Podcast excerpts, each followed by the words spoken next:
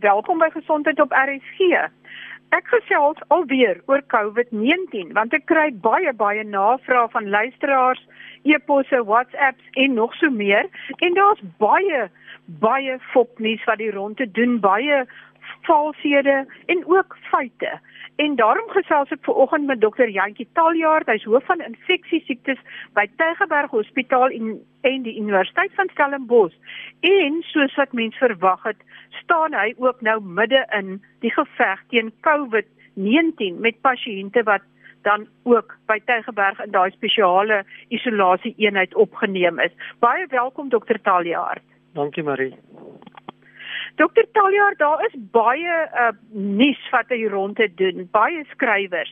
En een daarvan is die heem teorie. En dit beteken of dit die die uh, man wat die selle maak sê die virus kom binne in jou liggaam, dan dring hy jou rooi bloedselle binne, dan vernietig hy jou hemoglobien sodat jou yster loskom en die heem proteïen nie meer bind nie en dan hoop daar toksiese yster in jou liggaam op en jy uh dit jy sterf eintlik omdat jy nie suurstof het nie. Amper soos uh hoogte siekte maar professor Vernon Lou hoof van hematologie by Grooteskier Hospitaal het was so gaaf geweest om vir my 'n baie duidelike artikel aan te stuur wat dit totaal weerspreek. En soos wat ek verstaan is daar geen bewyse dat dit die rooi bloedselle binnendring nie, maar dat dit die alveoli van die longe beskadig. Vertel ons meer daarvan, hoe dit daar uitkom en wat dit aanvang in die longe. Dankie Maria. Dit is heeltemal reg. Ehm um, ehm um, dat die die, hemoglobien en yster teorie is is, is 'n ding wat uitgewerk is deur iemand op 'n komputer. Dit het geen ehm um, basis in fisiologie of in biochemie nie en dit is heeltemal weer lê as as onwaar. Ehm um, wat eintlik gebeur is is dat die siekte ehm um, um, werk in drie fases. Die eerste fase is wanneer 'n mens dan nou ehm um, op, geen simptome het nie vroeg in die siekte, die eerste paar dae, ehm um, kan 'n mens die virus ehm um, um, optel in die boonste ligweë wat wat die neus en die die die keel is. Ehm um, dit tydens hierdie ehm um, tydperk sal die virus dan nou die slijmvlies ehm um, selle, die epiteelselle van die slijmvlies in die ligweë ehm um, ehm um, sal daaraan heg en hy het 'n spesifieke ehm um, uh, een van daai knoppies op die op die oppervlak van die virus wat mense nou al gesien het, ehm um, heg aan 'n spesifieke reseptor of proteïen aan die epiteelsel en dan veroorsaak dit dat die dat die epiteelsel binne gedrink kan word en die virus kan vermeerder. Ehm um, soos ek gesê het in hierdie stadium is dit net in die boonste ligweë en die, en 'n persoon het baie min simptome indien enige en en soms selfs asymptomaties. 'n Mens is infektief tydens hierdie stadium want die virus is dan nou in jou neus en en keel en dit kan oorgedra word. Um, so as jy in hierdie as jy in hierdie stadium 'n uh, 'n uh, toets doen, weet met daai swab wat jy so in jou neus en keel krap om om epiteelselle te toets, dan sal jy die RNA van die virus optel. Ja, jy kan moontlik dit hang af hoeveel virus daar is en wat die kwaliteit van jou van jou depper is wat jy neem. Ehm um, dit is okay. in hierdie stadium is die viruslading nog redelik laag, so mens kry baie dikwels in hierdie fase dat die toets vals negatief kan wees as mens dit te vroeg doen in die asymptomatiese fase. Maar ja, jy kan Goed. definitief die virus optel ook tydens hierdie fase. Ehm um, die okay. volgende fase is dan nou te vermeerder die virus binne in die selle en hy beweeg af met die lugweë uh, in die ja. rigting van die longe. Die tweede fase is nou wanneer mense nou begin simptome ontwikkel, jy begin hoes, want daar's irritasie in die in die lugweë. Dit is hier in die tydens hierdie fase is die virus slegs in die lugweë en, en nog nie in die dieper longareas waar jy nou gesê het van die longblaasies of die alveoli nie. Uh, en in hierdie fase is mens duidelik simptomaties hier die hoes, jy um, ontwikkel dan ook die koors en ander simptome en selfs 'n bietjie van 'n kort asemhaling maar nie maar nie noodwendig baie nie. Hierdie persone het dan nog nie 'n longontsteking ontwikkel nie, maar hulle definitief irritasie van die lugweë, daar's meer virus, die slijmvlies epiteel binne in die lugweë laer af in die longe en uh, uh, het dan ook infeksie. En dan kom die derde So so dit lyk voordat jy aanbeweeg, ja. so dit lyk die slijmvlies is nou al rooi en geswel. Dit is korrek. Ja, as iemand nou met 'n kamera sal kyk in die in die in die longe in, sal hulle sien dat die slijmvlies van die van die ligwee, die groter en die kleiner ligwee is rooi en is geswel en geïrriteerd en dit is hoekom mense dan nou die hoes ontwikkel. En en, en, en hoe lank duur die eerste eerste fase en die tweede fase? Kyk, dit hang maar alles af van persoon tot persoon en hoeveel virus teenwoordig is en hoeveel virus aan die begin blootgestel is en dan ook wat 'n mens se immuunstelsel um, doen in hierdie in hierdie situasie. Ek sal nou by die okay. immuunreaksie kom en net eers terwyl ek hoe die siekte self veroorsaak word. Maar ja, dit dit is gewoonlik maar die die eerste fase is maar 'n paar dae, 1 of 2 of 3 dae. Die volgende fase kan die finale fase wees en dit kan die hele siekte kan net daar eindig op daai manier met geringe simptome of 'n mens kan dan as jy ongelukkig is in, in 20% van mense gaan dan oor na die derde fase toe waar hulle volskaalse longontsteking ontwikkel waar die virus dan nou verder afbeweeg binne in die in die in die in die in die alveoli by die longblaasies in die long is waar suurstof oorgedra word na die bloedstroom toe. Dis baie essensieel vir, vir vir genoeg suurstof aan die bloedstroom sodat jy dan nou kan maklik asemhaal en en suurstof na jou na jou spiere toe en na jou brein toe neem en so aan. So dis 'n baie belangrike deel van dit is waar asemhaling eintlik plaasvind is binne in daai longblaasies. So as daai longblaasies infeksie ontwikkel binne in die selle daar, dan natuurlik word die hele suurstof oordrag belemmer en as mens nie genoeg suurstof oordra van vanaf die longe na die na die um, bloed nie, dan word dit nou kort asem, jy sukkel met jou asem en dit is die dit is dan net die laaste fase, die derde fase van die van die siekte. Kan mens is dit hoekom dit help as jy suurstof vir die persoon gee daai wat jy baie keer sien is so buisie wat so onder die neus uh, loop met so twee stukkies wat in die neusgate ingaan of 'n maskertjie oor die gesig 'n suurstofmasker. Is dit van 'n mens dan suurstof gee en, en hopelik help dit ja dit is baie reg. En dit is dan wat ons nou gewoonlik doen in in, in mense wat dan nou siek genoeg is vir, vir, vir om opgeneem te word in die hospitaal. Ons toets hulle suurstof in die bloedstroom dan sien ons dit is te laag en as ons hulle opneem en suurstof gee. En 'n groot meerderheid van pasiënte sal dit help. Ehm um, daar is natuurlik dan nou tydens die hele infeksieproses is daar 'n immuunstelsel wat gestimuleer word om nou die infeksie te te, te beveg. Ja. Twee soorte immuunreaksies. Die eerste immuunreaksie is 'n is 'n immuunreaksie wat wat ons almal het as ons as ons blootgestel word aan 'n infeksie. En dit is ons begin antiliggame ontwikkel om die ja. om die vreemde ehm um, ehm um, organisme wat in die, wat wat wat ons infekteer aan te val en dood te maak. Hierdie respons neem 'n paar dae om te om om om om, om volsterkte te ontwikkel, gewoonlik so tussen 5 en 7 dae en dit begin eintlik eers met die tweede fase as nou 'n ordentlike infeksie in um, plaas vind, begin jy die antiliggame te ontwikkel wat dan oor tyd dan nou die infeksie beveg. Gelyktydig hiermee veral dan nou as daar die, die die die diepere fase van infeksie plaasvind, begin jy die die die die ander immuunstelsel in in stimuleer wat selle waar die selle begin betrokke raak jou wit bloedselle wat nou ook die organisme probeer opeet en ehm um, uh, en verwyder uit die uit die uit die stelsel uit. En ongelukkig tydens hierdie fase uh, wanneer die wit bloedselle dan nou geaktiveer word, aktiveer hulle ook 'n klomp al ander eh, ehm uh, um, immuun ehm um, proteïene wat uh, wat nie noodwendig altyd goed is vir die liggaam nie wat inflammasie veroorsaak, swelling, ehm um, meer meer ehm um, rooiheid en so aan. En dit kan ook kan ook in die bloedstroom aangaan wat mense dan sistemies kan siek maak waar jy dan 'n begin orgaanversakings of iets ontwikkel. Dit is dan Maar hierdie addisionele inflammasie en swelling maak seker die asemhaling en die uitrolling van suurstof nog moeiliker. Dit is korrek, ja. So dat dan dan dat natuurlik die ander probleme met al die witbloedselle, al die inflammatoriese stowwe en eh, trek meer vloeistof binne in die longe in en natuurlik dan dan is daar vloeistof binne in hierdie lugblaasies wat dan ook verdere uitruil van suurstof um, um, vir um, vergemoeilik.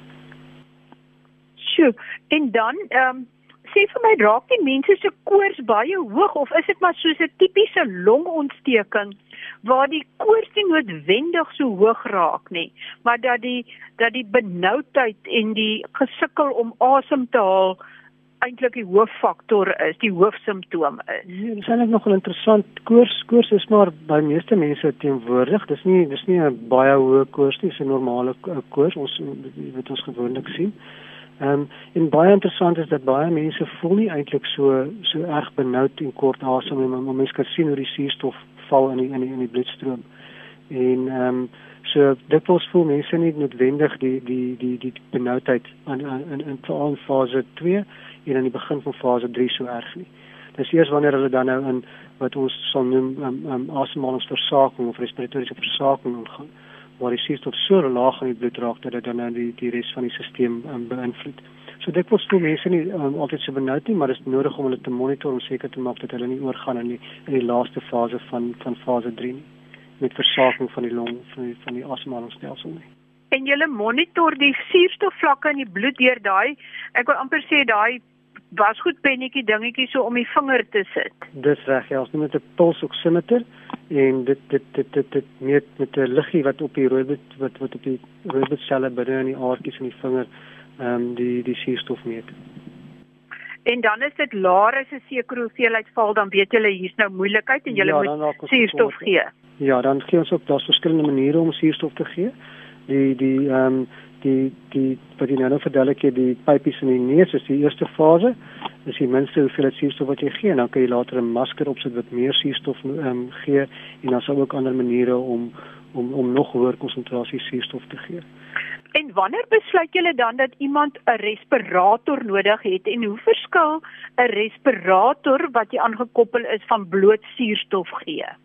Ja, so die die respirator is 'n kunsmatige asemhaling. Dit is waar ons dan 'n uh, um, uh, pyp in die, in die in die in die keel sit en dan dit koppel aan die respirator wat dan lug in die longe inpomp en dit is wanneer daar 'n volledige ehm um, asemhalingsversaking plaasgevind het en die persoon nie meer op sy eie genoeg suurstof in sy in sy ehm um, bloedstroom kan kry nie. Maar as iemand op 'n respirator is en daar is nou groot skade aan die alveoli, kan 'n respirator help dat daar wel meer suurstofreiling plaasvind in die alveoli wat nou al erg beskadig is. Ja, dit is baie moeilik en dit is hoekom ehm um, dit maar altyd 'n laaste fase is wat eh, ehm uh, um, mens probeer is dat dit jy kan 'n bietjie die drukke verhoog aan die longe en en en allerlei verstellings maak op die respirator wat dan bietjie help om van die van die vog in die longe ontslae te raak en bietjie beter ehm um, um, suurstof uitdrink te laat plaasvind en jy kan natuurlik uh, 100% suurstof gee as dit nodig is wat nie moontlik is op die ander maniere nie. Uh, maar buiten dit daar's al baie skade aan die aan die longe aan aan die alveoli en dit vat maar 'n tydjie vir daai ehm um, skade om te herstel na die infeksie en en daarom bly mense dikwels vir weke in in die in die in die intensiewe sorg op die op die ventilators en dit het natuurlik 'n klomp komplikasies tot gevolg ook. Uh dit is 'n baie onnatuurlike staat om in te wees op 'n ventilator en ehm um, eerder 'n intensiewe sorg en en hoe langer mense in intensiewe sorg is, hoe meer komplikasies vind plaas en, en dit is maar definitief nie 'n ideale situasie nie. Ek verstaan as ek na die syfers kyk dat as mense die mense wat op respirators moet kom dat slegs omtrent die helfte van hulle kom weer af van die respirator af. Is dit ook wat julle waarneem? Ja, ons het eh, ons het nog nie so baie pasiënte in in, in intensiewe sorg gehad nie. So ons kan nie regtig uh, groot getalle aanhaal en sê ons ons sien presies dieselfde nie. Maar ons verwag om dieselfde te sien en die paar gevalle wat ons nou al gehad het, is dit min of meer ehm um, ons is nog 'n bietjie aan die beter kant. Ons het dan nou meer mense wat wat wat nog ehm um, wat kan afkom, maar maar dit dit, dit ons verwag dat dit maar dieselfde sal wees as wat die res van die wêreld sien. Ja. En ek verstaan ook daar is mense met swakker immuunstelsels en ek ek sal weer noem wat almal al genoem het. Dis die mense wat bestaande long- en hartprobleme het, mense met diabetes, ongekontroleerde diabetes veral hipertensie, lupus, uh artritis, um TB, HIV wat nie goed gekontroleer is nie en so meer. Uh maar ek verstaan ook dat daar selfs mense is wat mense wat jonger is en wat mense verwag uh immuun onderdruk is nie wat ook uh ernstiger siek word. Dit is korrek ja, dit dit is baie dis nie baie algemene verskynsel nie, maar dit gebeur wel en en die die die die die teorie wat mense tans het is dat dit waarskynlik te doen het met 'n genetiese ehm um, ehm um, vatbaarheid, 'n uh, genetiese uh verandering in terme van hoe mense se immuunstelsels reageer op verskillende stimule. En ehm um, ehm um, dit is maar 'n teorie, maar dit is nog nie bewys nie. En dan is daar natuurlik ehm um, heelwat ander fopnuus in teorie en dit is baie moeilik altyd om tussen dit te onderskei. Kom ons kyk na die die uh, nosie dat die BCG vaksin, dit is 'n vaksin, dis daai klomp klein naaltjies wat hulle so op een slag inspuit teen tuberkulose. En dan die mense wat die tuberkulose vaksin gehad het as kind of miskien 'n booster later in hulle lewe, dat hulle dalk 'n beter immuunrespons het. Wat is die wat is die waarheid hiervan en kan mens jou daaraan steur?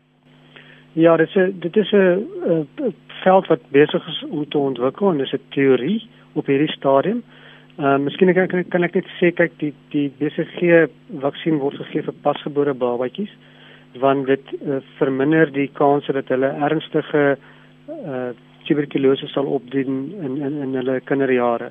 Dit verminder die die kans op uh, TB meningitis omtrent drievoudig. So is regtig 'n baie goeie ingryp vir voorkoming van ernstige tuberkulose in kinders. Ehm um, so uh, dis 'n baie nodige vaksin wat ons nie onnodig moet mors nie want want die pasgebore babas het dit baie baie nodig in Suid-Afrika. So die punt is ehm um, dat daar is redelik ehm um, teore teoretiese bewyse dat die die wanneer die BCG gegee word dat dit die immuunstelsel stimuleer en daai stimulasie van die immuunstelsel het moontlik ook uh beskermende effek op ander infeksies wat kan plaasvind insluitende ander virusinfeksies. En dit is min of meer hoe die teorie gaan. Ehm um, so dit is dan nou nodig om die teorie te toets in ons omstandighede wat ons tans in is sodat ons kan sien is kan dit miskien van waarde wees om verdere verspreiding te voorkom. En dit is baie nodig dat dit getoets moet word. Maar ehm um, die teorie is regtig maar maar gebaseer op die feit dat lank terug is daar so bewering gemaak en dit moet nou onder onder, onder gecontroleerde toestande en studies bepaal word of dit wel die geval is as dit as dit toegepas word. Want ek weet by pulmonologie of by tuberkulose navorsing by Tygerberg gaan ook deelneem aan die toetsing en uh, al is dit 'n teorie mens moet dit darm toets want dit is darm 'n strooihalm om na te gryp. Ja, ek dink enigietsie wat wat uh 'n goeie basis het in fisiologie en miskien 'n paar basiese wetenskaplike studies wat gedoen is lank terug, uh, moet getoets word. Dit kan nie sommer net 'n ding wees as 'n mens uit die lug uit ehm um, ehm um, vat en sê hoe maar kom ons beweer dit nie. Dit moet daar 'n goeie basis hê en ek dink daar's genoeg basis vir vir die toetsing van van die BCG vaksin vir voorkoming.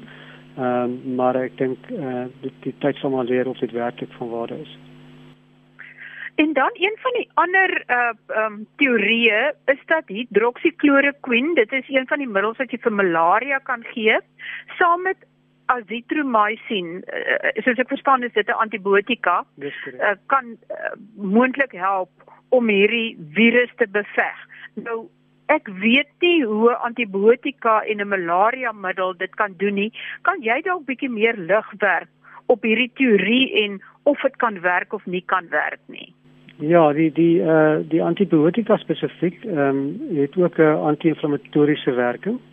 So ja. buiten dat dit anti-infeksie is teen teen sekere bakterieë, het dit ook 'n mate van ehm um, uh, inflam uh, van werking op om om inflammasie in die longe te verminder.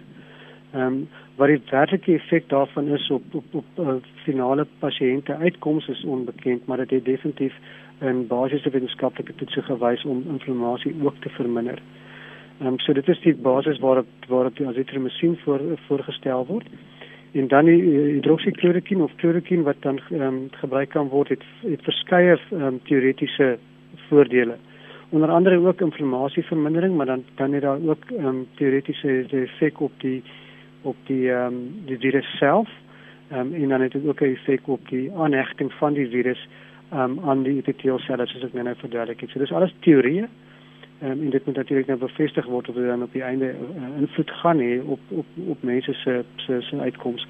Ehm um, die die teorie is, of of die die vraag wat mense vra hier rondom is, kan 'n mens dit vir mense gee as voorkomende terapie? Ehm um, om dit, met ander woorde as jy dit eenmal 'n week 'n pilletjie drink dat dit miskien sal voorkom dat jy infeksie kry, daai vraag moet beantwoord word.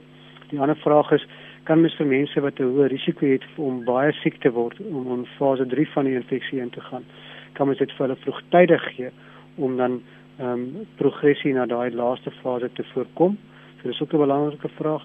En dan is die die, die volgende vraag is is uh, kan, kan mens dit gee vir mense wat krities siek is reeds op 'n op 'n ventilator in die intensiewe sorg en kan dit dan miskien meer mense um, uit die ICU kom kan laat kom lewendig. So nie een van daai vrae is al goed beantwoord nie. Nie een nie een van die vrae is nee, daar goeie antwoorde op. Ja, daar's definitief studies wat nou dwars oor die wêreld ehm um, begin is. Hulle het reeds in Europa en Amerika pasiënte op dit en ons is in, in die proses om in Suid-Afrika ook by 'n paar ehm um, hospitale eh uh, dieselfde studies um, uit te rol sodra daar etiese goedkeuring is.